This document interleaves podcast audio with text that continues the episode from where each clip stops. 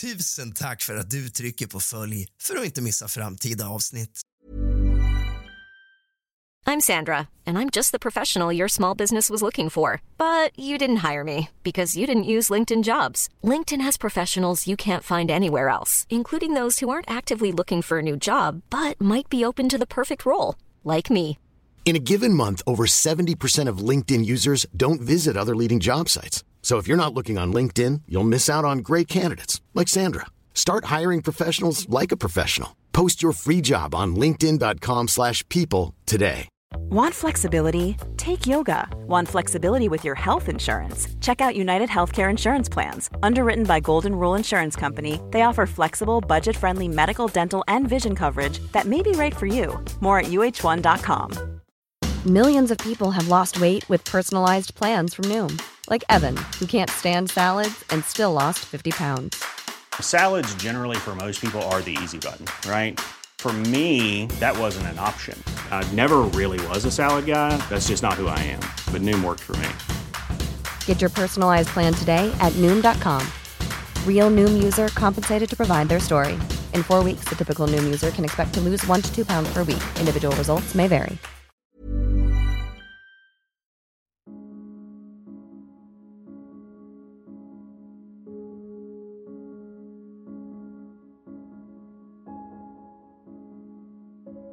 God afton din lilla fegis och kallt välkommen tillbaka ska just du vara till kusligt, rysligt och mysigt.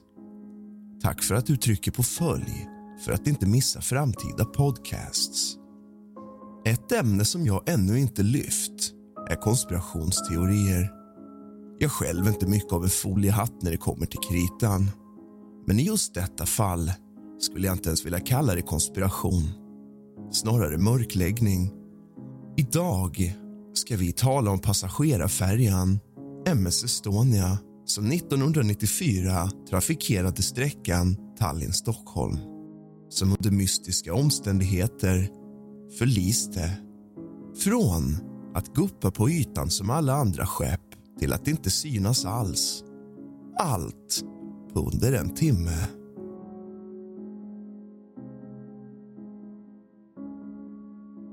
Det är den 27 september 1994. En vanlig blåsig höstkväll och Estonia är en kvart försenad. Nu lämnar hon hamn med 989 förväntansfulla resenärer ombord. Och vad ingen vet är att endast 137 av dem skulle överleva natten och få träffa sina nära igen. Resten får spendera evigheten på havets botten efter att ha svikits av sin egen regering. Först följer den officiella förklaringen och historien. Kommandobryggan har tilldelats information om vädret från Meteorologiska instituten i Estland och Sverige via kustradion. Väderleksrapporten i radion varnar för storm men än så länge är allting helt i sin ordning. Passagerare flanerar, botaniserar, äter en god bit mat eller bara inställer sig i hytten och väntar på ankomst. Det sista någon är orolig för på dessa stora trygga båtar är vädret. De här båtarna går ju som dagligen över havet. Men runt midnatt har vinden ökat och ligger nu på mellan 18 och 20 sekundmeter. Då Estonia inte längre täcks av land som i lä blir många passagerare sjösjuka och vissa börjar till och med att kräkas. Det blir allt knepigare att ta sig runt på båten så många drar sig tillbaka till sina hytter för att gå och lägga sig eller få vara sjösjuka i fred. Andra sitter kvar i baren på däck 4, Admirals pub. Nu sänker man farten till 14 knop. Fartyget kränger allt mer och vågornas höjd tilltar upp till 4 meter med undantag för enskilda ännu högre vågor. Strax före midnatt hörde vakthavande matros som gick ronden på bildäcket ett högt ljud ifrån det 12 meter höga och 9 meter breda bogvisiret. Bogvisiret är den öppningsbara luckade fram som vid öppning tillåter bilar att via en ramp köra in. Klockan 00.15 lossnar bogvisiret helt. Enorma mängder vatten strömmar, eller snarare forsar in på bildäck vilket snabbt får båten att kränga på höger sida. Passagerare börjar rusa upp för trapporna. Läskautomater slungas från båtens ena sida till den andra. Minst en person omkommer då denna mosas bakom den tunga automaten som kommer slungad från andra sidan skeppet. Vissa tar sig friheten att råna folk på smycken och pengar mitt i allt tumult. Flytvästar delas ut. Vissa sliter flytvästar från andra. Full panik har nu brutit ut på fartyget. Folk hoppar i vattnet. Klockan 00.22 skickades det första nödropet ut men det går för fort och det är alldeles för sent. Närliggande färjor skyndar till platsen och blir till en början förvirrade innan de förstår att Estonia inte längre guppar på ytan. Hon ligger nu på botten. De första räddningshelikoptrarna anländer klockan 02.05. De vinschar först upp överlevande, sen de omkomna som de kunde. Även kringliggande båtar lyckades rädda ett antal passagerare men på grund av väder och vind var det för riskabelt att sänka ner och hissa upp deras egna livbåtar. De blåste istället upp räddningsrutschbanan där de kastade ner rep och drog upp personer. Totalt räddades 137 personer. Vissa räddades inte förrän i gryningen. De hade då spenderat timmar i det 11-gradiga vattnet och i de enorma vågorna. Många av dem som räddat sig från skeppet och förlisningen omkom bokstavligen i det kölvattnet av katastrofen, kraftigt nedkylda. Detta var det officiellt förklarade händelseförloppet förklarat av personer som inte ens närvarade under katastrofen den aktuella natten.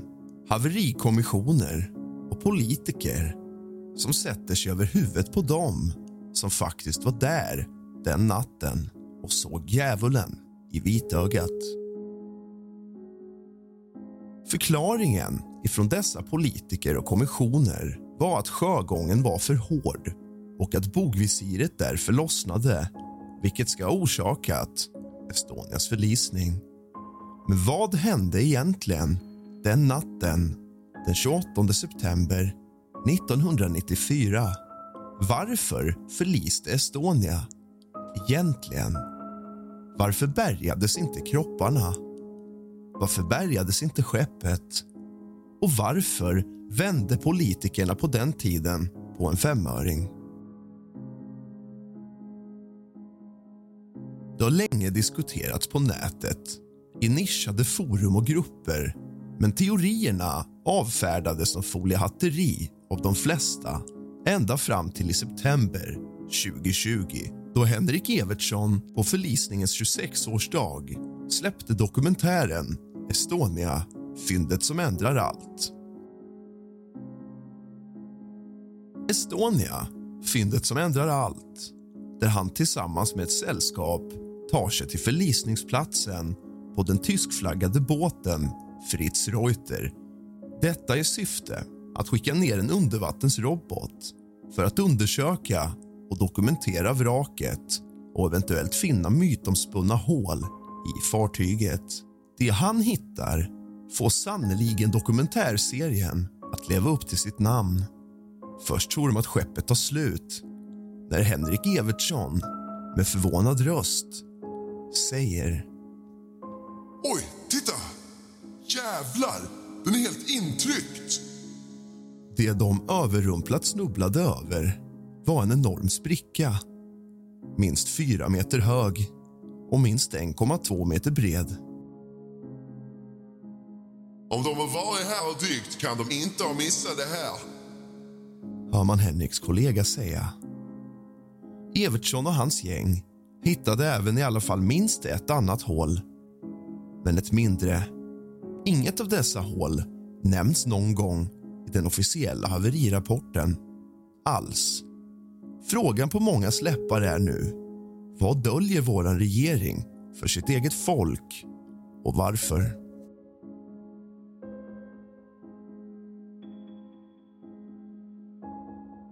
Kunde Estonia på mindre än en timme gå från yta till botten med vattentäta skott? Varför flöt hon inte upp och ner på ytan i timmar eller veckor som andra fartyg? Det finns många bidragande faktorer som bidragit till alla misstänksamheter. Idag ska vi fokusera på de sakerna som får hela mysteriet att osa katt.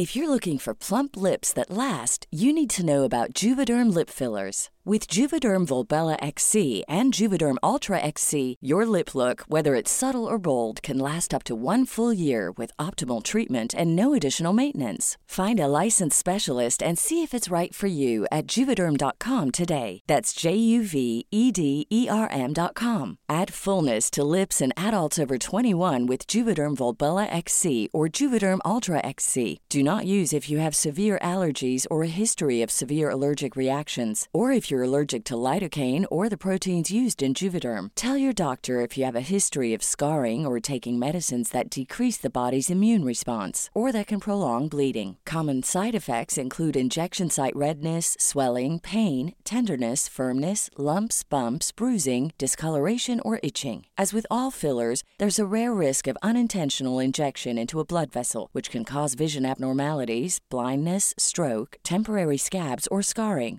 For full important safety information, visit juvederm.com. Millions of people have lost weight with personalized plans from Noom, like Evan, who can't stand salads and still lost 50 pounds. Salads, generally, for most people, are the easy button, right? For me, that wasn't an option. I never really was a salad guy. That's just not who I am. But Noom worked for me. Get your personalized plan today at Noom.com. Real Noom user compensated to provide their story. In four weeks, the typical Noom user can expect to lose one to two pounds per week. Individual results may vary. I'm Sandra, and I'm just the professional your small business was looking for. But you didn't hire me because you didn't use LinkedIn jobs. LinkedIn has professionals you can't find anywhere else, including those who aren't actively looking for a new job but might be open to the perfect role, like me. In a given month, over 70% of LinkedIn users don't visit other leading job sites. So if you're not looking on LinkedIn, you'll miss out on great candidates like Sandra. Start hiring professionals like a professional. Post your free job on linkedin.com/people today.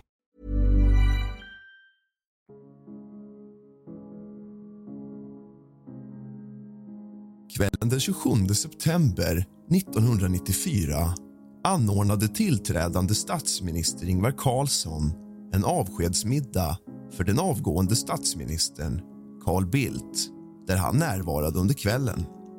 Någon gång under denna natt nås Carl Bildt om nyheten om att en stor färja har sjunkit. Runt 17-tiden på förlisningsdagen befinner sig Carl Bildt på polishuset i Åbo inför press från hela världen. Utan att någon utredning gjorts låter Carl Bildt med självförtroende pressen få veta att fartygets förlisning beror på att bogvisiret har fallit av.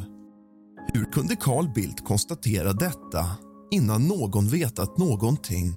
Varför tar det Jaik nästan tre och ett halvt år att slå fast det som Carl Bildt bokstavligen drog ur arslet i Åbo redan 28 september 94? En förbestämd historia?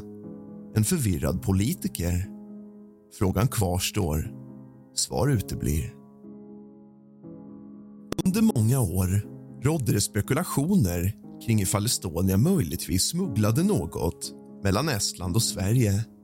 Detta avfärdades som struntprat och nonsens av officiella ända fram till den 30 november 2004 då det inte kunde förnekas längre. SVTs Uppdrag granskning sände ett reportage där tullintendenten Lennart Henriksson avslöjar att han två veckor innan katastrofen kallats till ett möte hos tulldirektören där han från högsta ort beordrats att begå tjänstefel. Detta genom att släppa igenom en bil på färjan utan visitation. Detta händer vid upprepade tillfällen. Vid ett tillfälle gör han en inspektion i alla fall men släpper igenom bilen ändå. Han berättar i programmet att det han hittade var militär elektronik. Han noterade även registreringsnumret. Bilen visade sig tillhöra Ericsson som tillverkade mobil utrustning. Sen gick han på semester och en vecka senare sjönk fartyget. Det fanns även misstankar om att det smugglades gammalt militärt krigsmateriel från Sovjet och att detta inte ska ha gillats av Ryssland. Både avgående och tillträdande statsminister försäkrar, lovar och intygar att fartyget med dess omkomna ska bärgas och tas om hand. Inga ansträngningar skulle sparas för att bärga Estonia och ta hand om de döda. I december samma år vände de 180 grader på en femöring då Ingvar Carlsson inför anhöriga säger finns beslut att Estonia med de omkomna skall förbli i havet. Han låter dem även veta att vraket istället för att bärgas ska övertäckas. Många av de anhöriga uppfattade detta som ett massivt svek då de funnit trygghet i mörkret i deras tidigare ord. Beslutet ska ha varit på rekommendation av ett eget tillsatt etiskt råd bestående av folk inom yrkesgrupper som präst, barnläkare, läkare, ordförande från Rädda Barnen, journalist och författare, före detta utrikesminister, avdelningschef för Socialstyrelsen med fler. Detta egna tillsatta råd skulle alltså fatta detta beslut eller i alla fall påverka detta beslut. Är ett etiskt råd med dessa yrkesgrupper verkligen rätt att fatta dessa beslut? Var det rätt att lägga bollen i deras knä verkligen? Det etiska rådet fattade dessutom sitt beslut efter att eventuellt ha blivit vilseledda av den information som tillhandahölls dem av chefjurist Johan Fransson vid Sjöfartsverket. Han lät dem veta att det skulle ha varit som en köttkvarn där inne. Att det skulle lämna spår och men för livet hos de dykare och läkare som skulle ta hand om kvarlevorna.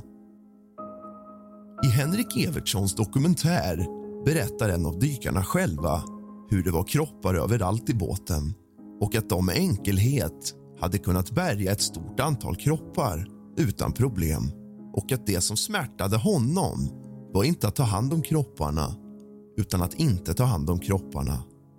Kropparna hade han ju sett i alla fall.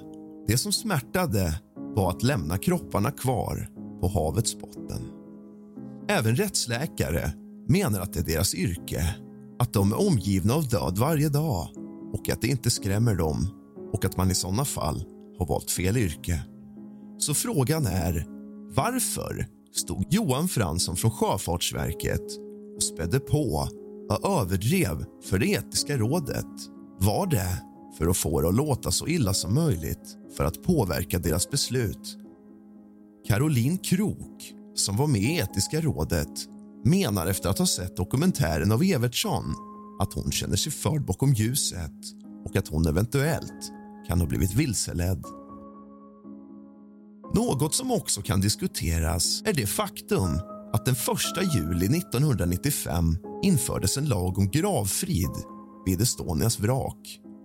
Lagen lyder Dykning och annan undervattensverksamhet får icke bedrivas i vraket eftersom passagerarfartyget Estonia eller inom det område som anges i första paragraf andra stycket. Förbud gäller dock inte verksamhet som avser att utreda förlisningen. Den som uppsåtligen bryter mot andra paragraf döms till böter eller fängelse i högst två år. För försök döms till ansvar enligt 23 kapitel brottsbalken. Men trots denna av regeringen egeninförda lag påbörjas övertäckningen innan haverirapporten ännu ens presenterats. Så mycket för den gravfriden. Övertäckningen avbryts dock efter mycket hårt motstånd ifrån såväl familjer till offren som överlevare. Varför vill regeringen till alla medel och till vilket pris lägga locket på? Ingenstans i världen någonsin har detta hänt att ett fartygsvrak täcks över och omkomna gjuts in. Var det verkligen av välmening för dem som omkom och gravfrid? Eller fanns det någonting inne i Estonias vrak som regeringen inte vill ska komma upp till ytan? Bokstavligen. Regeringen menar alltså att man inte kan bärga anhöriga med hänvisning till gravfriden men att täcka hela vraket går bra och gjuta in dem. Att med vördnad och respekt ge de omkomna en värdig begravning är alltså att bryta deras frid. Att gjuta in dem på havets absoluta botten är det alltså inte. Riksdagsmannen Lars Ångström hävdade vid ett seminarium i Tallinn att någon, eller några, dagarna efter Estonias förlisning tog sig ner till vraket för att bryta upp rampen som leder in till bildäcket. Detta på grund av att räckena till rampen enligt honom själv ska ha legat avsågade en bit från fartyget. Han undrar också hur det kommer sig att det finns filmer från bildäck om regeringen menar att det är för farligt för dykare att vistas där. Lars Ångström har en betydande roll i att belysa alternativa teorier om Estonia där han på sin Youtube-kanal talar ingående om olika infallsvinklar. I Henrik Evertssons dokumentär framkommer att det stora hålet måste vara av yttre kraft som pressat in på fartyget och inte tvärtom. Detta ska utesluta en explosion från insidan. Hur kan folk fortfarande förlita sig på den officiella rapporten som fastslår att inga hål finns i Estonia trots att det nu är konstaterad fakta att det inte bara finns ett, utan flera stycken hål. Inte bara i skeppet, utan uppenbarligen även i rapporten. I dokumentären framkommer även att Sverige ska ha varnats av Ryssland och betts upphöra med den pågående smugglingen som förekom på Estonia. Detta ska ej ha lyssnats på och kort senare förliser Estonia. Kan det vara så att det är Ryssland som har sänkt Estonia då vi idag vet att det är konstaterad fakta att det faktiskt förekom smuggling av militär karaktär ombord på Estonia. Det fanns en gång i tiden då folk skrattade åt dem som trodde att smugglingen var på riktigt. Så hur långsökt är den teorin egentligen? Om man tänker på det. Något som även framkommit är att viktig dokumentation gällande förlisningen av Estonia medvetet förstörts. Det material som låg till grund för slutsatsen i rapporten utav hovrättspresidenten Johan Hirschfeldt själv. Varför förstöra viktig dokumentation av denna kaliber i efterkrigstidens största skeppskatastrof om det inte ligger en hund begraven? Hirschfeldt anklagades sedan för att vara en lögnare då han menade att han samtalat med en chefstjänsteman men han i sin tur menar att något sånt samtal aldrig ägt rum. Folk sades ha överlevt fast de senare visade sig vara omkomna. Eller omkomna. En journalist vid namn Sven Anér menar att nio estniska överlevare mystiskt försvann. Dagen efter olyckan lyfte två plan från Arlanda. En Boeing 727-200 och en Gulfstream 4 från Arlanda flygplats med fyra respektive fem icke namngivna passagerare. Lyft och landningsavgiften för dessa två plan betalades av amerikanska ambassaden i Stockholm. Bland de som försvann efter att ha registrerats som överlevande från Estonia fanns kapten Avo Pitt, fartygets chefmaskinist Lembit Leiger. Pitt och Leiger skulle vara huvudvittnen beträffande fartygets sjövärdighet, dess last och orsaken till den mystiska sjunkningen som tog 852 liv. Var dessa personer, de nio icke namngivna passagerarna på de mystiska flygplanen som väntade på Arlanda. Officiellt heter det att kapten Avo Pitt är död trots att han kunde ses komma levande i land och kunde ses på tv i tyska nyhetskanalen ZDF när han stiger ut från en minibuss utanför Åbo centralsjukhus. Även närstående till honom såg dessa rörliga bilder på tv. Han förekommer även på den lista med namn på överlevande som Utrikesdepartementet i Stockholm upprättade. Men idag heter att han dog som sagt. Normally being a little extra can be a bit much. But when it comes to healthcare, it pays to be extra. And United Healthcare makes it easy with Health Protector Guard fixed indemnity insurance plans. Underwritten by Golden Rule Insurance Company, they supplement your primary plan, helping you manage out of pocket costs without the usual requirements and restrictions like deductibles and enrollment periods. So when it comes to covering your medical bills, you can feel good about being a little extra. Visit uh1.com to find the Health Protector Guard plan for you. Even when we're on a budget, we still deserve nice things. Quince is a place to scoop up stunning high-end goods for 50 to 80% less than similar brands. They have buttery soft cashmere sweaters starting at $50, luxurious Italian leather bags, and so much more. Plus, Quince only works with factories that use safe, ethical, and responsible manufacturing. Get the high-end goods you'll love without the high price tag with Quince. Go to quince.com/style for free shipping and 365-day returns. Flera namn på denna lista med överlevare var de två systrarna Veide som arbetade ombord som balettdansöser. Den ena systern, Hanka Henneke Veide, intervjuades på Huddinge sjukhus. Hon sa då att även hennes syster hade räddats. De båda kom med i listor på överlevande. Därefter angavs de som omkomna. Varför? Systrarna hade synts i samma livflotte som Avo Pitt. Deras kroppar har inte hittats. Det finns så otroligt många fler teorier, vittnesmål och konstigheter runt Estonia som inte stämmer. Men en sak är säker och det är att överlevare och anhöriga vill ha upp både skepp och kroppar. Regeringen vill det inte och motarbetar alla som vill ha upprättelse. För hur logiskt är det att neka anhöriga och överlevare deras omkomna närstående med hänvisning till en gravfrid de aldrig ens bett om? Ingen utom regeringen. De anhöriga och överlevande vill inte ha denna gravfrid. Frågan är, vem är då gravfriden egentligen upprättad för och varför? Vi kommer kanske aldrig någonsin få veta svaret på frågan om vad som egentligen hände med Estonia den natten, vad som föranledde händelsen och varför. Många hemligheter vilar på Östersjöns botten och någon vill att de hemligheterna ska stanna på havets botten. Du har lyssnat på kusligt, rysligt och mysigt av och med mig, Rask. Godnatt.